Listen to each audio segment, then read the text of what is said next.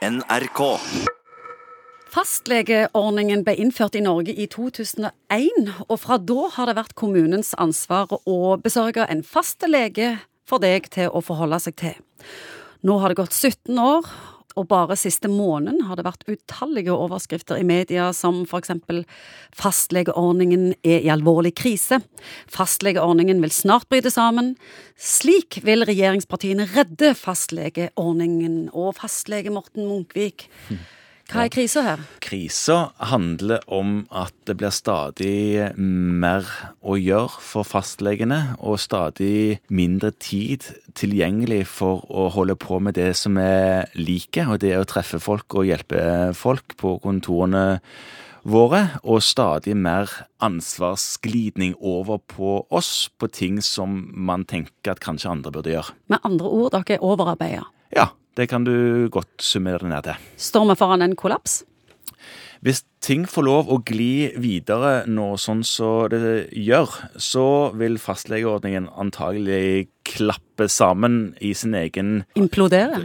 Ja, altså det, det blir rett og slett eh, for eh, tungt å dra det videre, fordi man opplever jo en rekrutteringssvikt som oss som er igjen. Vi vil ikke klare å løfte den arbeidsbyrden som da blir pålagt oss. sånn at det kommer til å skje hvis ingenting skjer. Jeg håper jo de overskriftene du leste opp innledningsvis, vil være med på å snu denne trenden. Men det er dramatisk. Nettopp. Hvor alvorlig vil du beskrive situasjonen? Såpass alvorlig at dersom ingenting skjer, så er jeg ikke sikker på at vi har fastlegeordningen inn på 2020-tallet et sted. Ja, og gjør det noe? Hva er det så bra med fastlegeordningen? at dette... Nå kan ikke vi konkurrere med Flytoget, som alltid vinner alle sånne brukerundersøkelser av hvor bra det er. Men vi fastleger har en ganske høy stjerne i befolkningen, og folk liker fastlegeordningen, servicen, hvordan det er bygd opp, og er stort sett veldig fornøyd.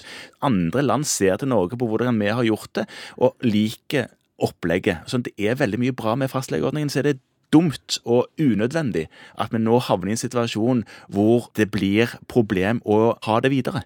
Hvis fastlegeordningen forsvinner, hvorfor er dette så ille hvis det Du vet, Det som er unikt nå med fastlegeordningen som man har i Norge, det er at man blir kjent med folk på en helt annen måte enn dersom de var innom deg når det var behagelig, og innom noen andre når det var behagelig. Så man kjenner familier og pasienter og miljøer på en helt unik måte. Man kan behandle folk på en god måte som man ikke kunne før, fordi man har fastlegeordning.